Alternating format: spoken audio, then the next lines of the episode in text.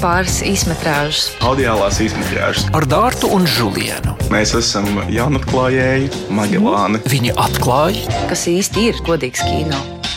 Sveiki, Žulien! Čau, Dārta! Prieks ar tevi atkal kopā būt un uh, censties arī aktivizēt uh, domāšanu. Un mums ir patiesībā sakot, ļoti liels lauks, ko aptvert tuvākajās minūtēs. Proti, ir gaidāma Dāņu kino brīnišķīga autora Lārs Fontrīra Latvijā līdz šim vērienīgākā retrospekcija, kas būs skatām no 13. līdz 30. aprīlim Kinoteātrī Splendid Palace. Un arī katram seansam papildinot filmu arī ir gaidām arī ievadvārdi. Mēģinot šo visu varbūt konstruktīvi aptaustīt, ja ne ar acīm, tad vismaz varbūt ar, ar vārdu palīdzību, kā tu ieteiktu risināt un sākt runāt par Lārsu Fontrīru un viņa kino mantojumu, kas faktiski nav vēl arī uzrakstīts, jo viņš joprojām turpina arī strādāt. Un nesen kā arī, starp citu, Latvijā, kas ir Vieplay straumēšanas platformā, ir pieejama viņa seriāla Rigeta, jeb valstība trešā un noslēdzošā sezona, kas tieši arī tapa pandēmijas laikā. Un to es ļoti, ļoti silti iesaku papildus arī šīm filmām, ko notvērt un skatīties. Es domāju, neesmu vienīgais savā paudzē. Kuram Lars von Trīrs ir pirmais vai viens no pirmajiem režisoriem, kas patiesi veido autoru kino un ir sniedzis iespēju, ka ir iespējams runāt kaut kā pavisam citādi. Un uh, pats režisors ir noteikti ļoti pretrunīgi vērtējama persona, kas ir saistīts ar dažādiem skandāliem saistībā ar izteikumu par nacismu, ar diezgan tādiem mizogīniem, arī dažādiem izgājieniem, un viņa darbu korpus ir nemazāk skandalos. Bet šķiet, ka to visu var kaut kā piedot vai pārskatīt, jo viņa filmas ar gandrīz vai bībelisku vērienu pietuvojas ļoti sarežģītām tādām morālām, ētiskām, metafiziskām tēmām un uh, dara to caur tādu nu, ļaunuma asi. Man šķiet, ka ja ir vēlēšanās domāt un meditēt par to, kas ir tumsa sevi un arī gūt katartisku pieredzi, protams, tad šī retrospektīva ir vislabākais veids, kā to darīt. Es gan laikam nevienam neieteiktu iet uz to kā kinofestivālu, jo tas varētu būt diezgan, diezgan traki. Taču šāda iespēja redzēt visas režisora filmas, tostarp arī televīzijas darbus, vienopus, ir reti. Un, lai gan daudzas no viņa agrīnajām filmām arī jau ir izrādītas Latvijā, ir arī vairākas, kas uz ekrāniem nonāks pirmo reizi. Jā, un papildinot, ko tu minēji par Lārs Fontrīru vienādības zīmi izagīnistu, es gan nepiekritīšu, jo, ja mēs paraugāmies uz viņa filmām, nu jau arī faktiski ar šķeļot viļņus, kur galvenajā lomā ir eh, Emīlijas Watsons, arī šī atveidotā besa, kas arī savā ziņā tāda pravietiska mīlestības eh, lēmuma dēļ pārdod savu miesu. Es domāju, ka sākot ar šo darbu un turpinoties gan dejotājai Tumsā, Dogvilai, Antikristam. Melanholijai, Nimfomānei, Maika Uzsela Džeks, kas viņa pēdējās filmas spēļu filmā, manuprāt, kariķē varbūt pat šos te mizogīnus, kā paštēlu, šos sēriju veidu slepkavus bet es īsti neredzu šīs sieviešu tēlu, varbūt tādas um, lomas pazemināšanas vai, vai sievietes kā tādas kariķēšanas. Es varbūt redzu, ka trīrs mēģina izmantot šo antīko, šo traģēdiju formu, un līdzīgi tās varonas parādās, es nezinu, kā Antigons vai kā mēdējs kuru dusmas, ciešanas, uh, kaislības dzīve ir daudz, daudz lielāks. Tas šis lielums ir tieši tie kinoformā rodams, manuprāt. Un, uh, Un jā, es domāju, arī tīpaši, piemēram, arī Nimfomāna. Filma Nimfomāna, kas vairumam klausītājiem varbūt ir palikusi prātā, vai vismaz ir, ir pamanīta savas šīs skandalozitātes dēļ. Es domāju, ka kā mēģina tieši rotaļāties ar šo mizogīniju, un filma, manuprāt, tajā iznākumā ir kaut kas pavisam pretējs, ka tā tomēr ir. Es domāju, tāda liela cilvēku mīlestība galu galā. Neskatoties arī uz savu formu, ekstrēmismu, rotaļīgumu, mēģinājumiem šķelt arī ne tikai viļņu kino, bet arī savā ziņā kaut kādas tabū tieši, kas galvenokārt, manuprāt, saistām tieši ar sievietes tēliem uz ekrāna. Dialogs par viņa tādu vardarbīgumu lielā mērā ir saistām ar viņa pašu filmu atstāto efektu. Un, teiksim, darbs ar aktieriem ir joprojām tāda diezgan pelēka zona bieži vien. Un, kā mēs zinām, šajās attiecībās um, bieži arī pastāv tāds nu, varas disbalans. Iespējams, šī saruna varētu būt saistīta ar to, taču trīra filmu gadījumā es domāju, ka tā ir vienkārši tāda papildus interesanta lieta, ko zināt, bet noteikti nenoteicošais. Mazliet ieskicējot, kas tad pats Lārs von Trīrs ir, jāsaka, viņš ir viens no nozīmīgākajām kino kustībām modernajā kino, manuprāt, viennozīmīgi. Dogmas 95 ir viens no tādiem tēviem, jā, kopā ar uh, Tomasu Vinterbergu, Jā. kuru zina vietējā auditorija ar filmām Svinības, kas arī tika godalgota Kānu kinofestivālā. un, un arī iestudēta Dēls Dāvidas teātrī. jā. arī, Jā. Un ar uh, kolēģi Sērenu Krāgu Jakobsenu viņi jā, piedāvāja šos desmit uh, šķīstības idejas, kā attīrīt, padarīt kino atkal par kino. Kinokritiķe Dārta Ceriņa Dārta ir Toms, un kino publicists Julians Nuhums Kulibali. es esmu Džerijs. Ar mums viss sākas.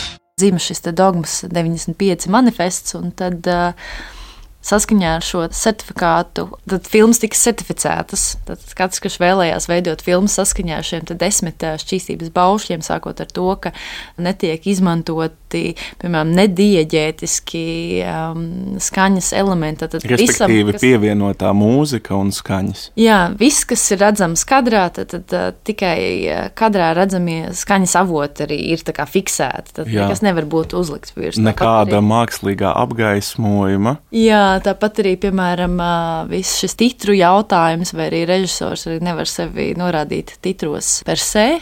Mm -hmm. Kā ir daudz arī šie tā aspekti, kurus vajadzēja ievērot, lai filma tiktu certificēta ar, ar dogmas jā, tādu stāvbildi, kas ir pievienota visām. Es neatceros, tagad laikam kaut kāds 50 dogmas filmas, cik manuprāt ir tapusi. Jā, nav nemaz tik daudz, mm, taču autori, kas ir um, zem dogmas vārdu veidojuši savus darbus, ir ļoti daudzpusīgi. Gan šai pusē, gan tai pusē okeānam. Tā, tā viennozīmīgi ir ļoti interesanta kino kustība. Jāsaka, pats Laks von Trīrs gan nu, jau šajā tūkstošgadē dogmas filmas nav veidojis. Taču tas nekas.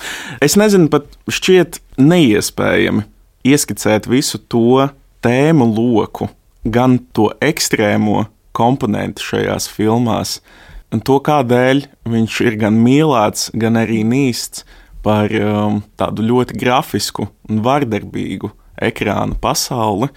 Kas tad īsti ir šī modernā mītraža kodolā? Un varbūt tas arī ir iemesls, kādēļ Lars von Trīrs ir šāds režisors, kura retrospekciju, spriežot arī pēc reakcijām publiskajā telpā, gaida tik daudzi. Viņš joprojām paliek aktuāls.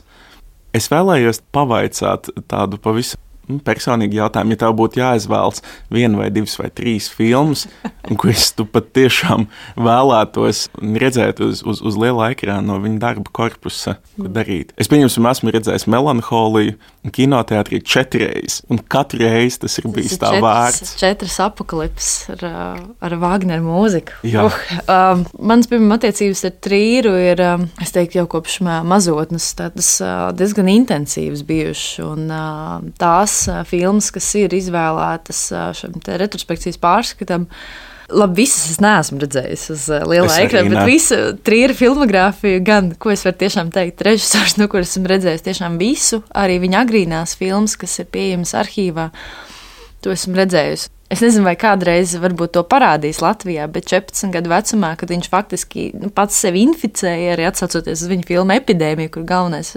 varonis, kur kā ir tiek veidota šī filma, tad galvenais varonis ir ārsts, kurš inficē savus pacientus. Tad savā ziņā tā kā kino arī inficējas, arī ir trīri, un tad um, tāpat tāds darbs, kāpēc censies bēgt no tā, ko tu zini, ka nav iespējams aizbēgt, jo tu esi gļēbs. Un tas ir astoņu minūšu garš eksperimentāls darbs, kurā viņš izmanto šo zēnu, kurš bēg no sava tēva, un tad viņš uh, sevi ievieto arī līdzīgi kā marķējot ar krīti šo noziegumu ainu, kur kā guļ līķītis, un tas puika nemitīgi sev tā kā liek tās svecītas apkārt un dedzina, un tad bintē savu, savu seju un ārkārtīgi asprātīgi, manuprāt, filma, kas arī netiešā veidā jau, par ko arī mazāk runā, par šo Lārs von Trieru arī smalko tādu meta ironiju un meta humoru, kas ir klātesošs viņa agrīnajos darbos. Bet, ja man būtu jāizceļ, es noteikti ieteiktu aiziet skatītājiem uz agrīnajām filmām, kas ir nozieguma elements.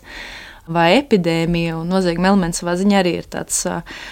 Melnā kinofilma no ārā arī tāds caursūcināts. Turklāt arī viņa pirmā pirmā filma, pirmā starptautiski atzītā filma, Jā. kas jau uzreiz arī nonāca Kanu kinofestivāla izlasē. Jā, un arī, piemēram, epidēmija, manuprāt, ir ārkārtīgi fascinējošs darbs, jo arī pats strīds parādās uh, kadrā. Un tad uh, šī darba um, sižets aptver šīs piecas dienas, bet atskaites punkts ir tāds jauno tā laika tehnoloģiju misēklis, un tad no datora izšķibējis scenāristu Larsa, un tad viņi atveda arī Lars von Trīrs un Nils, um, veidotais darbs policists un prostitūta vienīgā kopija. Un tad te ir arī atsauce uz nozīgumu elementiem uz šo filmu, un viņi nolēma rakstīt scenāriju no jauna, un šoreiz par mēram līdzīgu epidēmiju. Un tad ir minētais arī ārsts, arī šajā topošajā scenārijā, kurš domādams, ka glāb pacients patiesībā tos inficē inficē. Un tas man ir jāsaka, bija pirmais darbs pandēmijas laikā, ko es no jauna noskatījos. Šī ir pirmā filma, pēc kuras es, uh, es sniedzos. Trīri darba korpus arī sastāv no tādiem kā posmiem. Triloģijām ne visas šīs triloģijas ir pabeigtas. Pirmā Eiropas triloģija, otrā zelta sirds triloģija, kur arī ir filmas ceļot viļņus, iespēju zemes, kurā nav noslēgta šī triloģija. Tur ir divas filmas, Dogvilla, kas bija mana pirmā filma, kā 13 gadu vecumā, kas mani ļoti, ļoti dziļi ietekmēja un, un joprojām ir ļoti dziļi iesādusies sirdī. Un, un Manderlai, un tad visbeidzot depresijas triloģija, kurā es laikam tā kā tiešām sapratu, ka nē, nu šī laikam ir mīlestība. un, uh, no šīm triloģijām es laikam izvēlētos pa vienai. Man šķiet, absolūti brīnišķīga pieredze redzēt uz lielā ekrāna dejotāju tumsā vai filmu Eiropa. Jā, es par Eiropu arī piekrītu. Tas ir darbs, ko es vēl vienreiz vēlētos patiesībā sakot. Uh, Kinematogrāfiski tas ir, tas ir kaut kas neticams. Tas, kas ir interesanti, un uh, tas arī savā ziņā sasaistās, ko Trīrs teica uh, melanholijas uh, preses konferencē, kad notika kinodarba pasaules pirmizrāde Kanu kinofestivālā, ka viņš it kā šķietam ir sapratis Hitleru. Lai gan es personīgi interpretēju to viņa neveiksmīgo teikumu, ka tas bija bezgalīgi garš vārdu savienojums, un viņš nevarēja saprast, kā tikt ārā no šīs situācijas. Man patīk šajā panelī, kā rēģē blakus esošie aktieri. jā, Holivuds pārstāv Kisandāns, jā, jā, un tad blakus ir, protams, jā, Zviedrs Telans Skārsgords, aktieris, ar kuru Trīrs ir daudzkārt sadarbojies. Viņš sēž un smējās. Tā kā tādas divas ārkārtīgi, man liekas, tādas pretpola arī jā, attieksmes. Bet jā, bet atkal, tevis pieminētā filma arī Eiropa. Un, ko arī pats arī Trīs teica, viņš arī gan daudz šetinājis tieši šo vācu kino, tīpaši arī Hitlera laikā izmantotos kino paņēmienus, sākot ar Riefenštālu un arī mhm. daudziem citiem, kā tika veidots skaismēns, kāda bija kadra leņķa. Un viņš pats tieši pieteica, ka Eiropa ir mēģinājums rekonstruēt, izmantojot šos kino propagandizējušos vai, vai tādus estētiskos tieši elementus, kurus mēs novērtējam šeit propagandas -huh. uh, kino mūsdienās un tieši iekodēt. Un savērtēt kritiskā darbā. Tā ir jā. jā. Kas faktiski arī šis darbs noslēdz arī viņa jā, Eiropas triloģiju, un tad no Eiropas tālāk viņš veda mūs uz, jā, šo uz Amerikas jā, zemi. Uz jā. zemi jā. Šķiet, viņš izgaismo katrā vietā, katrā šajā daļiņā kaut kādu tādu tumsas strēķīti. Bet, ja man būtu jāsaka, jā. ejiet, ja, tad, ja, ja tas vēl nav izdarīts, atkal un atkal melanholija, vidējā filma, viņa viņa depresijas triloģijā. Tā ir pieredze, kuru ir grūti sev liekt. Tas arī ir iemesls, kādēļ es pie šīs filmas atgriežos atkal un atkal. Tā ir ārprātīgi skaista filma. Jā, es tev piekrītu. Lai gan man, ņemot vērā šo faktūru, tēmu, daudzveidību, trīra kopējā filmu ķermenī un daudz galvainumā. Man gribētos jā, tieši izcelt agrīnās filmas, jau minēto nozieguma elementu, epidēmiju, Eiropu, arī šķeļot viļņus idiotus, protams. Drausmīga filma. Labākajā veidā. un, un, jā, un arī, piemēram, pati esmu aicināta runāt un ievadīt ko uzcēla Džeks, bet es to drīzāk varbūt sasaistu ar, ar to, ka faktiski neilgi pēc filmas nonākšanas man bija iespēja arī tikties ar Trīru, un es esmu bijis pie viņa mājās ciemos. Un, uh, Skaudība. kas bija viena no manām brīnišķīgākajām uh, dzīves pieredzēm, un uh, kas savā ziņā nemainīja to, kā es redzēju māju, ko uzcēla Džeks, ko es zinu. tiešām ir diskutabli jautājumi par šo sieviešu nīšanu, jo filmas galvenais varonis ir Meta Dilona atveidotājs sērija veids slepkava, tad viņš ir būvinženieris, kurš vēlētos būt arhitekts kaut kas vairāk, un tad viņš no dažādām sievietēm un ne tikai, kur sastopas ceļā, plāno izveidot savu lielāko, dižāko arī arhitektonisko meistardarbu, tātad šo līķu namu, apliecinot sevi par, par šo arhitektu. Un savā ziņā šis darbs kaut kā atklāja visprecīzāk trīra, visnotaļ vitālo humoru stīgu, jo es viņu skatos faktiski tiešām kā komēdiju un tādu cīnisku komentāru par Netflix neskaitāmiem sēriju veidu slepkavu darbiem, mm -hmm. kur mēs faktiski paši barojam sev par šo interesi, par šo kultu. Un redz, kur man ir darbs, kas spēj kaut kā izrādīt, pāraut intereses ķēdīt uz pusēm un, un palūkoties uz to, kāpēc mēs esam apsēsti ar, ar seriāliem vai seriju veidu slepkavām, šiem turpinājumiem un atkārtojumiem. Izvēle ir ļoti plaša. Tās ir 17 dienas. Visas filmas tiks izrādītas kinoteātrī Splendid Palace, vai ne? Jā. No 13. aprīļa līdz pat 30. aprīlim, kas ir gan Lārsa Fontrīra dzimšanas dienas, citu, gan arī man dzimšanas diena. tā, kā, um, tā kā jūs viens otru apdāvinat savā ziņā. Tu ar savu stāstījumu par viņu, un tad uh, viņš tev ir filmā. Viņš man jau ir apdāvinājis visu manu mūžu garumā. Un, uh, nu tad, cerams, tiksimies uh, kinozālēs. Ejam uz kino. Paldies, Žilien, ka padalījies savā um, atklāsmē par trīru. Pāris īsmetrāžas, audiālās īsmetrāžas ar Dārtu un Žulienu. Mēs esam jaunatklājēji, Magelāni. Viņi atklāja, kas īsti ir godīgs kino.